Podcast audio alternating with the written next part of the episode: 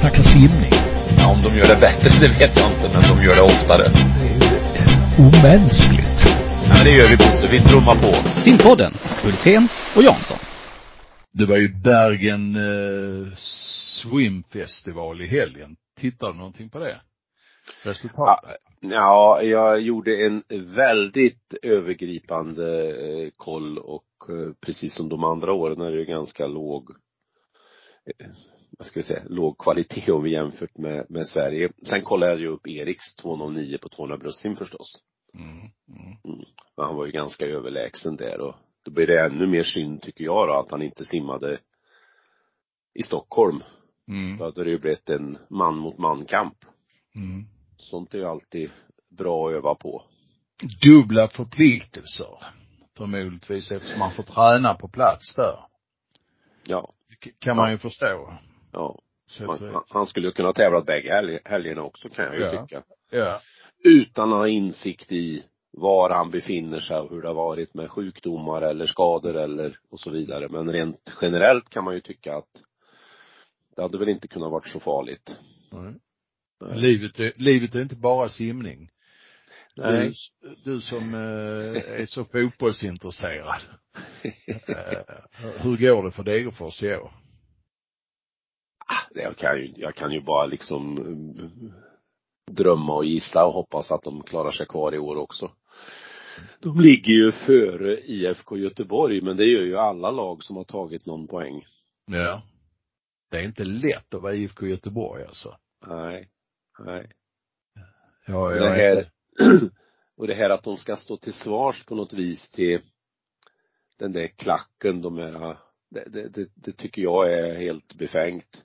Mm, Det är klart de gör, så- de gör, de gör, de gör ju så gott de kan. absolut. Ja. Sen, sen kan jag tycka att eh, fotbollsklubbar, de har ju tappat eh, tr- transparensen. De, de låser in sig i en hörna och vill inte delge någonting. Eh, en skada, en skada är en överkroppsskada eller en underkroppsskada. Aldrig eh, till exempel preciserad. Man talar eh, bara om emellanåt om en spelare är borta på grund av det eller det. Men alltså man, hela tiden eh, jobbar med att hemliggöra allt som sker i klubben ut mot media och fans. Och öppenheten finns ju inte där längre. Och då, då, då, tror jag att det, effekterna blev bland annat så här, eh, den här Stockholmseffekten och Göteborgseffekten att fansen ställer ledningen till svars och så här för att man håller inte eh, öppet helt enkelt. Nej, transparens är ett under, förlåt, ett underskattat ord tror jag Bosse. Alltså Mm. de organisationer och företag och allt som liksom kan vara fullt, fullt, fullt ut öppna tror jag tjänar väldigt mycket i förtroende och lust att delta och etc. Mm.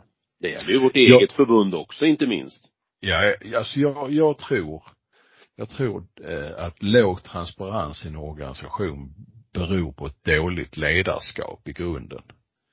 Det tror jag.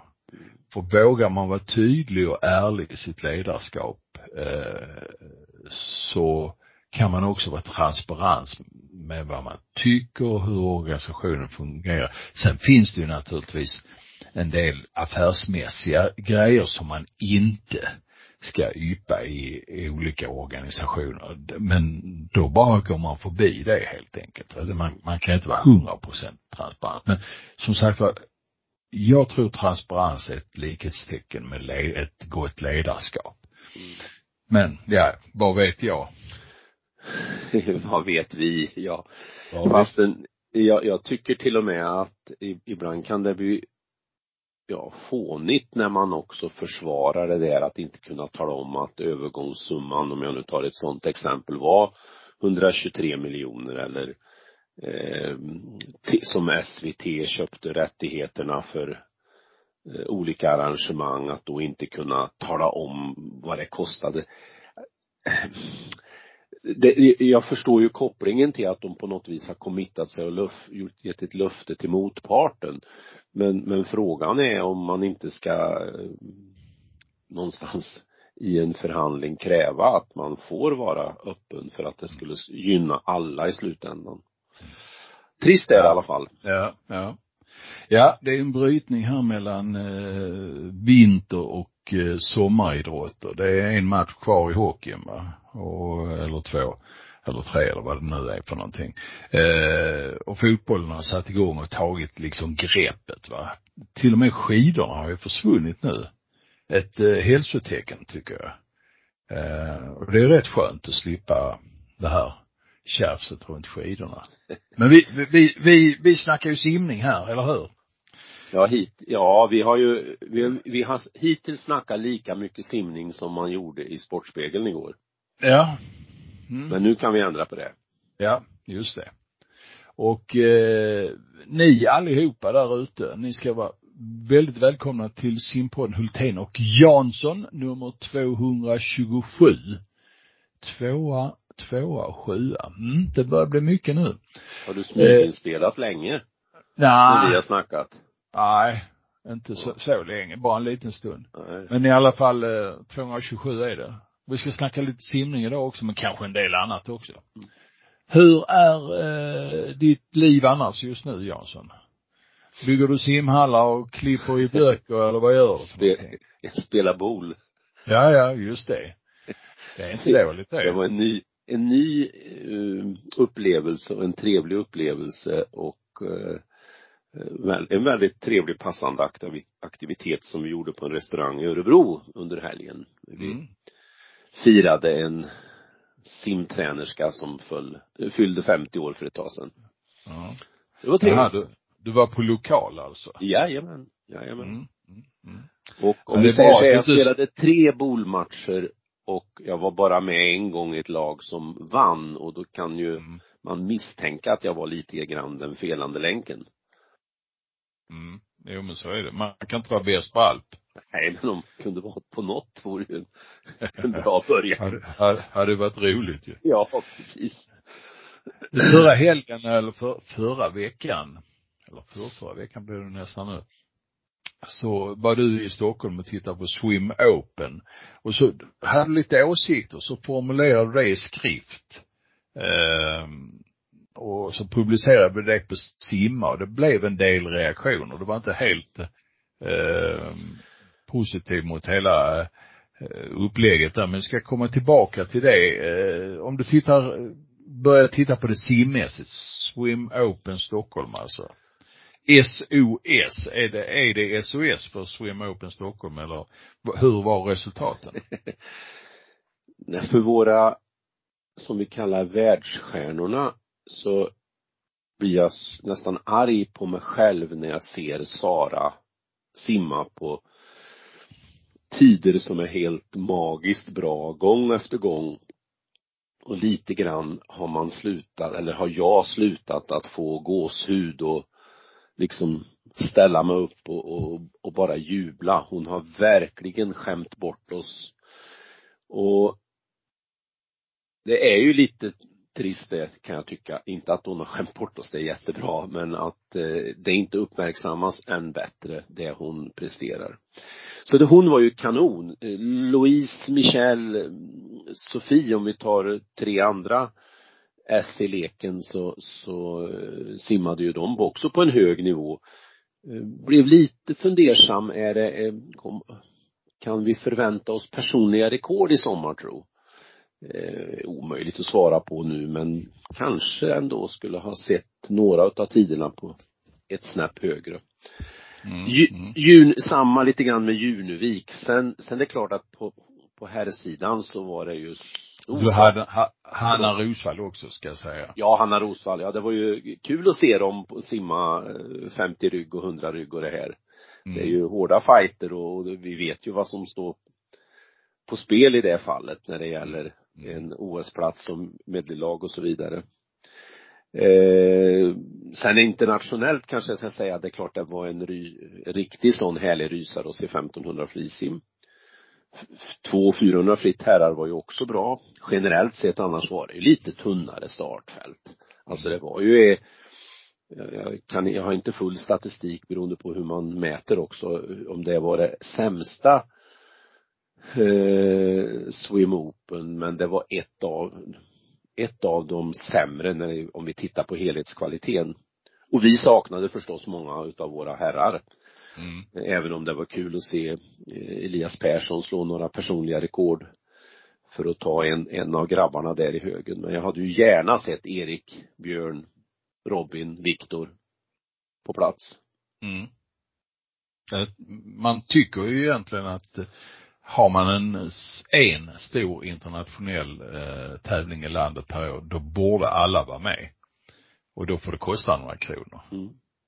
Om Eh. nu kostnaden var orsaken. Det är klart att åka över från USA och sen åka tillbaka, det har ju också ett litet pris när det gäller dygnsomställning och så som man ju får ha respekt för. Men tittar man på andra idrotter där de far kors och tvärs över världen Mm, mm. och presterar som, som, som det ser ut i alla fall på världsnivå så kanske vi skulle kunna eh, se till att de kommer över.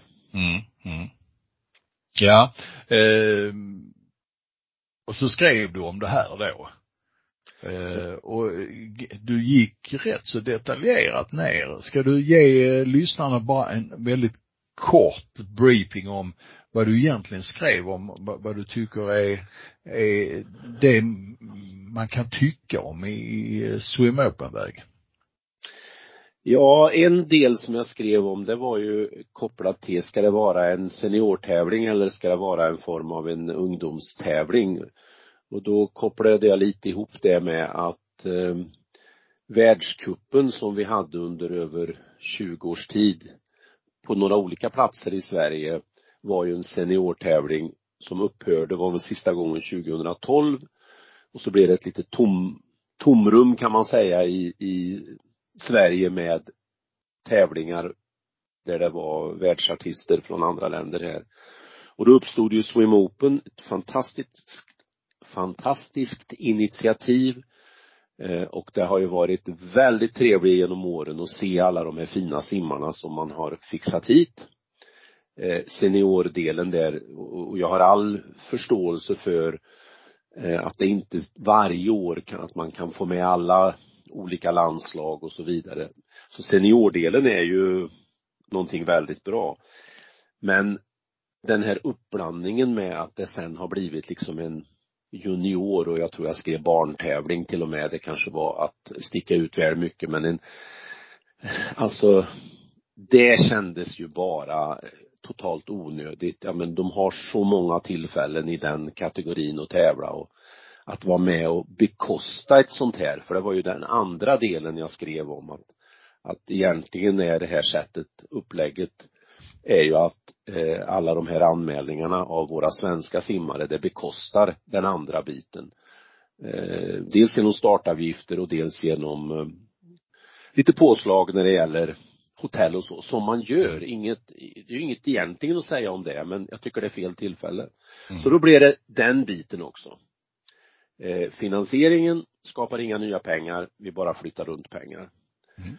Eh, sen har jag ju under ja, flera gånger funderat kring alla de pengar vi genom åren lägger på deltagarläktare.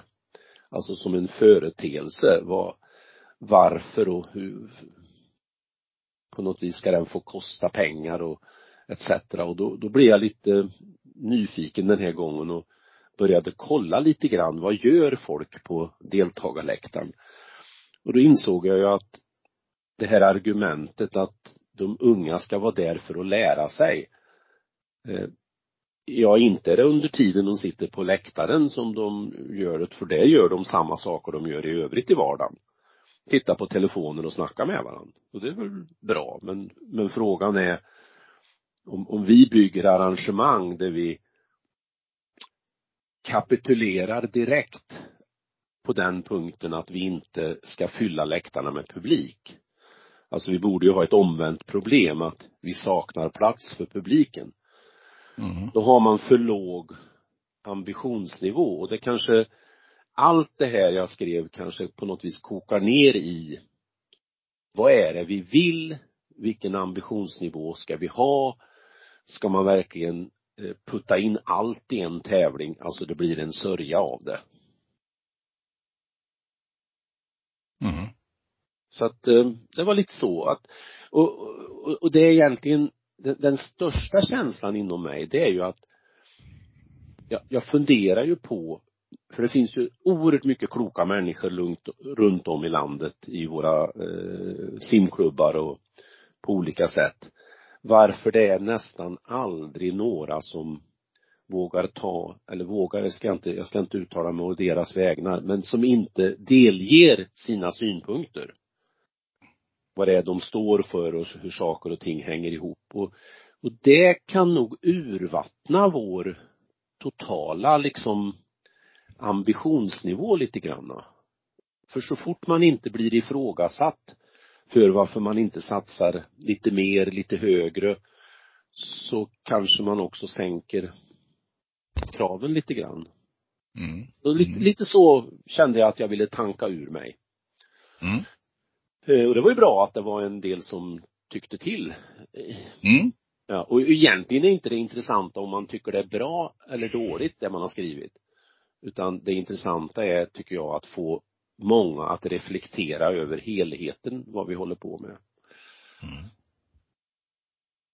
Det är ju, hade ju varit hemskt om den här tävlingen hade gått i stå och inte blivit av så att säga.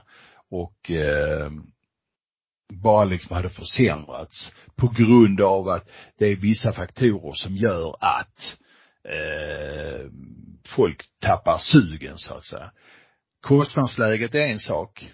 Eh, det blir dyrare och dyrare, man hittar på nya sätt att eh, internfinansiera. Eh, antalet sponsorer ökar ju inte. Om jag förstår rätt så fanns det inga externa sponsorer förutom de vanliga sponsorerna till simförbundet. Man hade ju velat ha eh, tv-sändning, eh, en, en och en halv miljon i sponsorpengar till en sån här tävling. Och det här är, är ju likhetstecken mellan eh, sponsorer och tv-bevakning. Då kanske man måste satsa på tv-bevakning och sen sälja själva tv-bevakningen. Eh, så, så hela paketet skulle egentligen eh, bekostas externt istället. Då hade man lyft upp den här tävlingen på ett annat sätt. Och frågan är då om, om eh, organisationen orkar, kan och vill eh, göra det. Eh, nu finns det ju frågetecken runt Eriksdalsbadet 2024 och 2025 med renoveringar och sånt. Om, om jag förstår rätt så kommer 50 definitivt vara stängd under eh, Swim Open eh, eh perioden under 2025. Om jag förstår rätt. Ja, den, jag satt ju och hade samtal med Dennis som det fick jag ju en känsla av att egentligen är han ganska ensam i sitt uppdrag och då, då är det ju svårt att vara hundra procent professionell på alla punkter i en sån här engagemang. Men då sa han att första april egentligen ska man renoveringen och att de har ansökt om att kunna få köra tävlingen några dagar in i april nästa år. Mm. Eh, nej, det, det är ju Alltså, du, du nämnde media där. Jag kan ju berätta, jag var ju akkrediterad från Discovery. Eh, så jag var in i eh, det lilla mediautrymme och det var nästan, ja det var svårt att ta sig dit. Man fick liksom krypa emellan och komma under en läktare och så var det ett litet rum. Och det är klart, det behövdes ju inte mer för det, det var ju bara de, de, de trogna som var där, höll jag på att säga. Malin och TT. Eh, förutom att då eh, SVT var ju där lite grann och gjorde, de gjorde ju lite grann kring tävlingen. Men det är klart, har vi ett världsarrangemang och det är tre, fyra stycken från media och ingen i en efteranalys eh, blir våldsamt förtvivlad över den situationen då har vi ju ett större problem. Om vi har accepterat den här nivån på, på media på ett sånt här arrangemang. Mm. För det, vi, på sikt står vi och faller med hur media, hur vi når ut i media och det är ju en kombination av hur duktiga vi är och mm. vad media vill. Mm. Jag tror att eh, för att skapa mer media behövs det mer fotarbete. Ja, absolut. Eh, alltså man, man måste snacka med folk. Man måste ta tag i dem. Man måste ringa upp dem. Eh, man måste jobba eh, proaktivt på det sättet om man vill ha till sig media. Eh, sen om de eh, inte kommer alla dagar, det, fine. Men eh, att man har Aftonbladet där en dag, Expressen en dag, att, att folk jobbar på det sättet att man ser till och committar med, med journalister att de kommer dit. Det tror jag. Det går inte bara att skicka ut information. Man, man måste också ta dem i nacken och släpa in dem emellanåt. Och då kan de inte heller vara in, inträngda i ett litet rum, liksom eh, allmänt sunkigt litet rum egentligen. Nej. Eh, nej. Det, det, går ju för oss som är, alltså för, för mig och för Malin och, och några andra, att vi, vi, vi älskar ju simningen oavsett om det finns ett mediautrymme eller inte. Mm. Mm. Ja, Eh, låt oss komma tillbaka till det senare. Eh, vi har haft andra mästerskap också, eller andra tävlingar. Australiensiska mästerskapen gav vissa ringar på vattnet även om kvaliteten inte var så hög. Eh, och det var ju inte en uttagningstävling till VM utan den kommer lite senare på säsongen. Man har inte tagit ut truppen vad jag förstår. Så att eh, simmarna var inte riktigt toppade. Till exempel så hade ju eh, 400 meter simmar, simmerskan, hon gjorde ju fyra minuter när de andra nu är toppade nere på 3.56 va. Men eh, hon bidrar ju sin tid. Och det var en hel del andra resultat som inte var sådär superba. Hon gjorde ju, eh, det är ju Titmus du tänker på, hon hade ju en 55 på 200 och 8,20 på 800 förutom de här 400 och en av de grenar som ju var ganska bra ändå var damernas just 200 frisim där de hade tre stycken på 1,55 och några delar. Mm. Mm. Eh, där eh, Cheyenne Jack heter hon väl, var en av dem och Culligan, Molly, kan hon heta så? Var det en, en tredje? Molly, Molly Callaghan ja, och Ariana ja. Titmus hon, hon är ju eh, fortfarande en favorit i sammanhanget, även om, om hon kommer att bli rejält utmanad eh, under VM i år. Men eh, absolut att eh, hon är den som är favoriten på 400 på ett eh, VM. Jag tror damernas 400 på VM blir den, det största. Det blir ett riktigt drottning, drottningslag med tre stycken inblandade. Mm. mm. Så kan det bli. Eh, sen, eh, ja, 100 fritt herrar, eh, Chalmers 48.00, det är ju, ja, man måste ju ner på bättre tider för att höja på ögonbrynen, så är det ju. Mm. Eh, världsbäst, världsårsbästa på 800 tror jag det var. 8.42.90. Mm. Eh, men du, nu tappar jag vad han hette, men han hade det i alla fall. Ja. Ja, bra tid på 100 rygg utav McKeon, 57.90. Mm. Vann ju också 200 medley. Så, eh, visst var det lite ihåligt eh, och blir ju då extra spännande att se själva uttagningen, kvaliteten blir där. Eh, de var ju tre, två under 53 på 100 frisim för damer också, ska vi säga. Mm. Mm. Så att eh, de Där har ju lite etta, tvåa på 100 fritt statistiken före Sara Sjöström ja. i år. Exakt. Så det är klart, de har ju världsartister i, i eh, några fler än vad vi har och mm. men, men ähm, ja, får se var, vart det bär när det blir dags för uttagning. Ja. Eh, och uttagning till eh, OS, det har blivit lite marginella förändringar eh, för svensk del. Berätta, du har ju, det är någonting som du har följt i hundra år nu. Vad hände? Nej men regelverket som SOK har med topp åtta, alltså man ska presterat en topp åtta placering i ett eh, eh, ja, på världsnivå så att säga för att bli eh, uttagen till OS förutom att du kan bli uttagen på ett eh, uh, ungdomskriterie. Den har ju ifrågasatts mer och mer. Eh, vi var ju ute redan för snart tio år sedan och ifrågasatte det, men det har blivit fler och fler och för ett par år sedan var det friidrotten som satte ordentlig fart på debatten och simningen har hakat på. Och, och man kan väl säga att både friidrotten och simningen, de tycker ju att man ska ta steget fullt ut, att istället för att SOK har en regel så finns det så eh, tydliga och hårda regler på internationell nivå så att det är de man följer och därmed är det respektive förbund som bestämmer. Men så långt gick ju inte SOKs möte utan man landade i att det ska istället för topp 8 ska bli topp 12 Mm. Eh, och det var, såg jag någon som uttalade så, som sa att det gör bara marginell skillnad och det är helt riktigt, det gör egentligen ingen skillnad.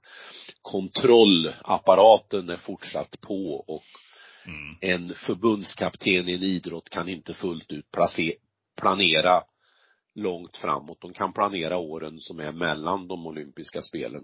Och det är olyckligt. Vi ska väl säga det eh, till den som inte är initierad och har lyssnat på det här tidigare att eh, de internationella förbunden har ju ett regelsystem som tar ut eh, från SO, eller på, från IOK bestämda antal mängder med simmare som kan kvala in. Till exempel är det då bara två hit med lagkapslag Eh, som kan kvala in, det vill säga 16 lag. Och eh, de 16 lagen tas ut på ett speciellt och lite halvkrångligt sätt sådär, eh, som vi inte ska förklara nu. Men i vilket fall som helst så är det ju så att eh, skulle man vara trettonde i internationella simförbundets uttagningsruljans, eh, då skulle man ju enligt SOKs regler inte få komma med eftersom eh, vi, vi har ju topp 12 som kriterium. Så det är ju lite lustigt det här. Absolut. Ja, jag tror inte att det är fullt ut den bästa vägen att gå. Det skulle inte bli några stora skillnader i simtruppen om simförbundet själva bestämde. Vi, kanske pratar en, två personer om vi tittar på ett enskilt OS, Mm. men just att ha kontrollen över att ta ut utifrån Det det, är- reg det är viktigt. Ja, det är lite Vi- vi ska säga också- mentalitet. Ja, ja det, det hör inte hemma 20, på 2020-talet. 820 simmare tror jag det får vara totalt. Det är så upplä, upplägget är till eh, FINA att försöka ha kvaltider så att vi inte passerar den gränsen. Mm, mm. Ja, och så har SOK då, som vi snackade om här alldeles nyss, fått en ny ordförande också efter den här eh, skandalen som var. Hans von Utman som, Utman kanske han ska uttala som, som har varit vice ordförande i SOK tidigare, nu varit temporär chef sen eh, den här eh, sexsnacket var. Eh, han eh, har blivit ny ordförande. Är det en bra ordförande i SOK? Det vet vi ingenting om. Nej, det vet jag ingenting om. Eh, Jag, bry- jag ser ju att eh, skidförbundet har ju lanserat honom hårt. Eh, Det, det ger mig alltid lite dåliga vibbar när de här som är, har mycket makt är med och petar i grytan. Eh, Han driver ju den här vinter-OS-tesen hårt.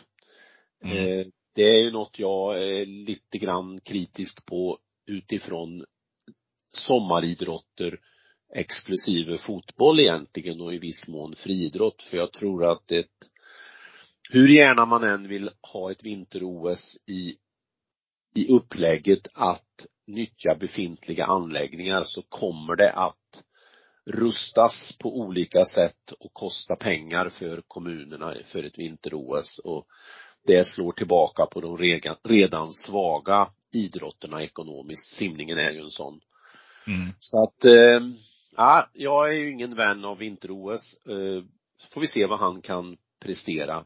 Han kan ju, eh, ja sen kommer han ju bli påhejad utav, det är ju ny chef på, i det dagliga arbetet på SOK. Eh, Det har vi ju pratat om. Åsa, före Mm. detta SVT-chef. Mm. Så att, och det är ju också en skidvän. Mm. Hela tiden, dessa skidor. Hela tiden dessa Ja. skidor. Ja, det är många som, eh, det ska ju väljas ny RF-ordförande också. Och det är ju eh, så att, eh, vad heter han? Eriksson, Björn Eriksson, avgår ju. Och det är dags. Ja, det är dags ja. Ja. ja. Ing- Inget ont Ja. om Björn i övrigt, men nu är det dags. Nej, men det är dags. Ja. Eh, och då är det väl så att den som helst vill bli det här, det är ju Karl-Erik Nilsson. Gud förbjude Som- att det blir så. Ja, fotbollsordföranden som avgår därifrån. Ja. Eh, och som nu har ersatts av Reinfeldt. Och, eh, vad säger vi om eh, Karl-Erik Nilsson som, som eh, RF-ordförande? Ja, det, är, det är ju några saker som jag tycker är flagranta och gör att det är helt förvånande om eh, idrottsförbunden skulle rösta på honom. Det ena är att han så sent som för ett och ett halvt år sedan drev en tes inom fotbollen att fotbollen skulle dra sig ur RF. Mm. Alltså, det, det betyder ju att han inte var lojal mot eh, idrottsorganisationen och då handlade det om att redan ett rikt förbund som, som fotbollen skulle då, de vill ha ännu mer utav den kaka som, som kommer via RF. Mm. Att sen då ha mage och gå in och säga att ja men nu vill jag vara chef för den här organisationen som jag ville lämna. Mm. Ja men alltså det är ju diskvalifikation på hög nivå tycker jag. Mm. Till det ska läggas, under hans tid i fotbollsförbundet så lyckades han ju hela tiden prata sig ur eh, det faktum att man inte fördelade de stora pengarna man får när man deltar i ett EM eller VM. Eh, och de stora pengarna kommer tyvärr inte när damerna deltar i ett EM eller VM utan de kommer när herrarna deltar. Och senast var 2018 drog ju ja, runt 150 miljoner tror jag kom in till fotbollsförbundet tack vare placeringen för herrlandslaget. Mm. Och då Mm. fördelar man inte på hela kakan och då är han diskvalificerad igen. Så att dubbeldistring Mm. Erik Nilsson och då pratar jag inte om personen för den har jag ingen aning om. Men att stå för de saker han har eh, presterat passar inte in i RF. Nej. Nej. Ja, då har vi fått det klart för oss. Bra. Nej men Du, alltså, eh, Ja men det, det man ska alltså hålla här, tungan rätt i mun i sitt liv alltså. Ja, och framförallt ska man hålla tungan i rätt mun. Eh, det lyckas ju inte alla med. Det är därför en del av de här ordföranden flyger ju. Ja, ja. Ja. Du, ehm, eh, vad har vi mer att eh, snacka om? Du så? på 200 bröst. Chico Ja, 2.17.55. precis. Ja. Fjärde världsrekordet i år, det fjärde av en dam. Vad månde bliva? Det fanns Ja. någon utredning nu på Swimswam, eh, att det aldrig tidigare har varit så tidiga världsrekord i simningen som i år.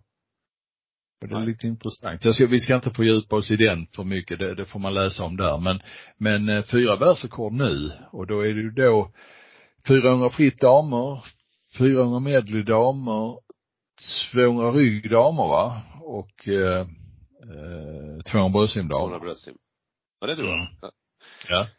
Eh, ja, sen här, lite grann kanske en trend att man har lite uttagningar lite tidigare även om nu inte Australien har haft det och det kan ju påverka att det kommer världsrekord tidigare också. Så kan det ju vara. Så kan det vara. Så det är jag inte riktigt insatt i. Ja, vad kan vi säga mer? Det har tagit slut EJM-trupper. Mm. Damer och herrar. det har ju, ja eller flickor och pojkar. Flickor och pojkar. man nu. Ja. ja. Det har ju blivit en internationell förändring när det gäller eh, junioråldrarna. Eh, som eh, magasinerades eller portionerades ut till eh, eh, folk i mitten på mars här.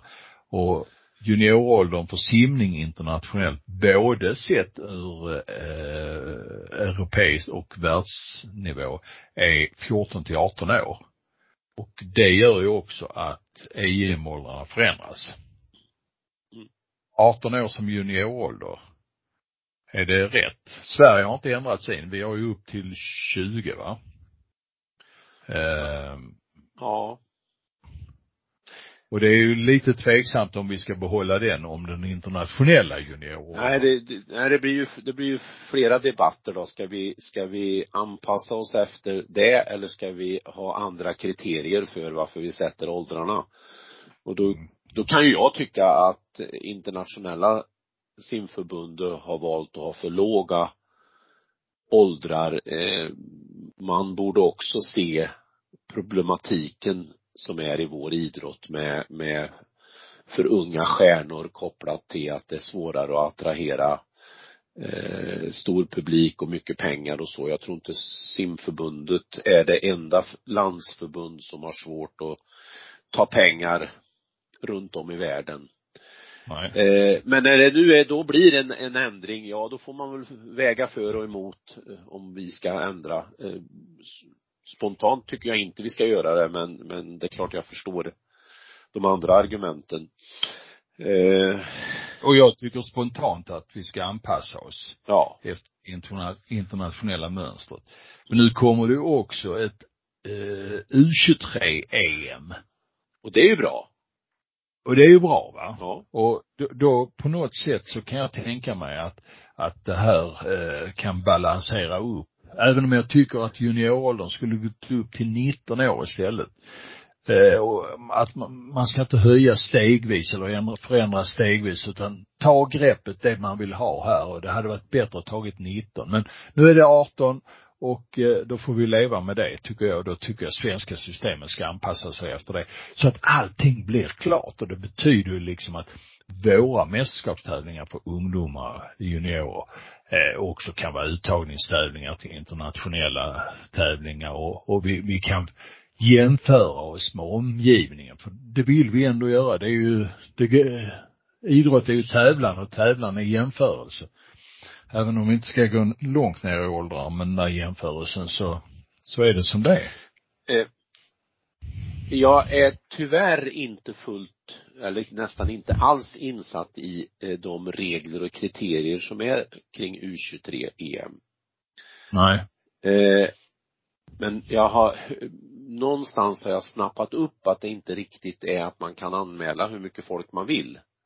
Utan det är ganska begränsat. Ja, och då, då blir det ju inte riktigt lika bra. Det, det intressanta vore ju om Sverige kunde skicka en, liksom en trupp på 20 stycken. 20 Mm. simmare som inte är då på VM.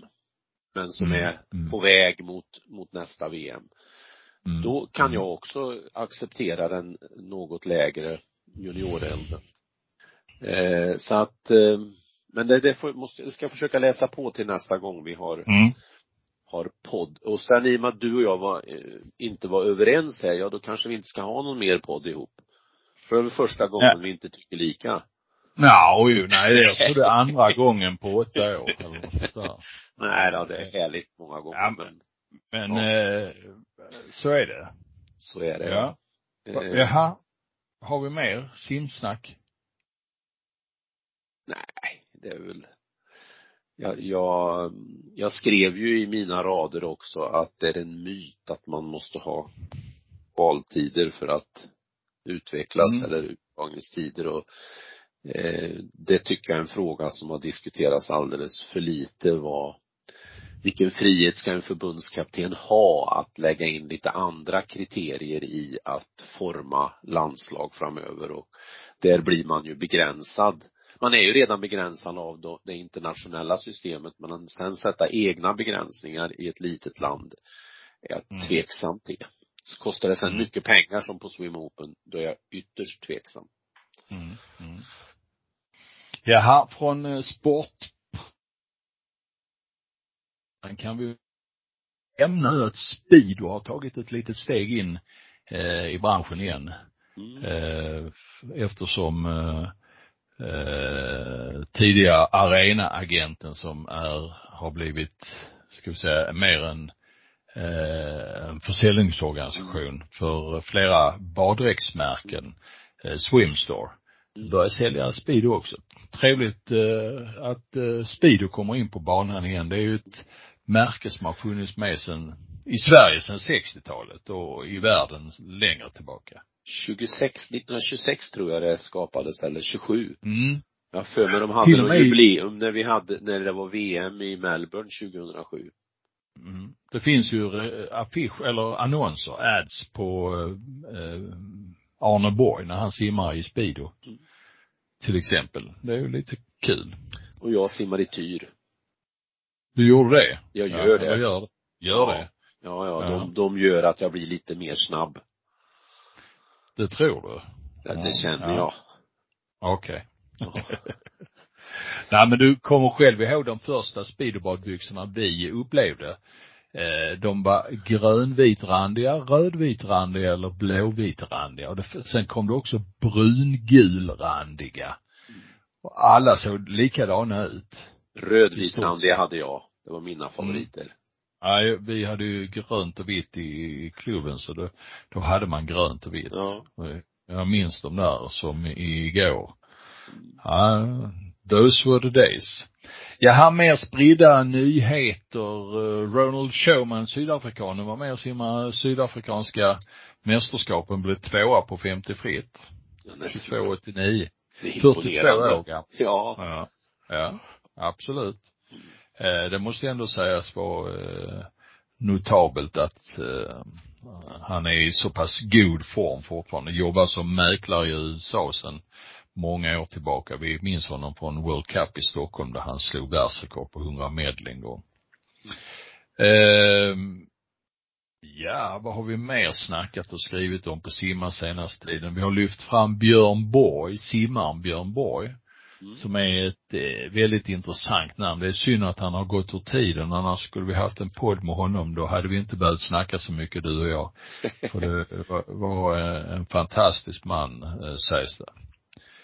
Ehm, det var lite då gammal historia så att säga som, som vi hade eh, och haft inblandade i, i simmaskrivandet. Ja, en, en liten sån kuriosa-nyhet när du pratar Björn Borg så då kom, kopplar man ju upp till 30-tal och så kommer jag in på Eskil Lundahl. Mm. Och då i, och så sa du inledningsvis fråga mig om jag höll på med skrivandet och så vidare, så upptäckte jag då när i, att Eskil Lundahl var då inblandad i eh, och, och var expert i viss projektering utav den förra simhallen vi hade i Filipstad. Mm. Han Det var ju arkitekt. Ja, så där fann jag hans namn. Det tyckte jag var lite, Mm. det var lite kul. Mm. Han var ju med, om jag nu inte minns helt fel, eh, också under OS 1948. För det, det var så att eh, han var ju med och simmade OS på 30-talet. Blev Europamästare på 100 ryggsim 1928 va. Eh, och eh, sedan var han också med eh, på det som kallas arkitektur-OS 1948 i London som gick samtidigt med OS. Det har ju varit så konst-OS och lite sånt här eh, utanför idrottens ram i samband med OS emellanåt. Så han var med på OS då också. Om man inte vet vem Eskil Lundahl är så eh, har han en son som heter Björn Lundahl som var engagerad i simförbundet väldigt länge och han tillsammans med sin fru hade en dotter som heter Eva Lundahl som var svensk mästarinna fem gånger på 100 ryggsim. Som sedermera gifte sig med Pelle Wikström som var internationell svensk duktig simmare och har tagit medaljer i lagkapp. Som har två söner som har simmat i landslaget också. Sen eh, har vi inte nästa generation klar nu, men det kommer väl snart. Vi kan återkomma. Vi kan, kan få lite inspel om det då, för det har vi inte en aning om. Men det är kul med många led i, i simningens värld när det gäller människor. Det vore ju fantastiskt om Kristoffer eller, åh gud nu tappar jag brorsan hans namn. Eh, Sebastian. Sebastian, ja, om, om de hade barn som simmade, då hoppas jag verkligen de hör utav sig, för då har vi ju ett, en hundraårig länk. Mm.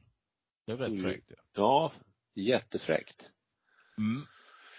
Ja, ska vi, Ska vi säga något godnatt? sätt- Ja, godnatt eller god morgon eller var ni nu befinner er, ni som eh, lyssnar på det här. Eh, hoppas att eh, er vecka blir bra. För det hade vi tänkt, Thomas och jag, att vår skulle bli i alla fall. Och eh, därmed så trycker vi på eh, stoppknappen och eh, säger hej och tack för idag. Nu ska vi snacka simning. Ja, om de gör det bättre, det vet jag inte, men de gör det oftare. Omänskligt. Ja, men det gör vi Bosse, vi trummar på. Simpodden, Hultén och Jansson.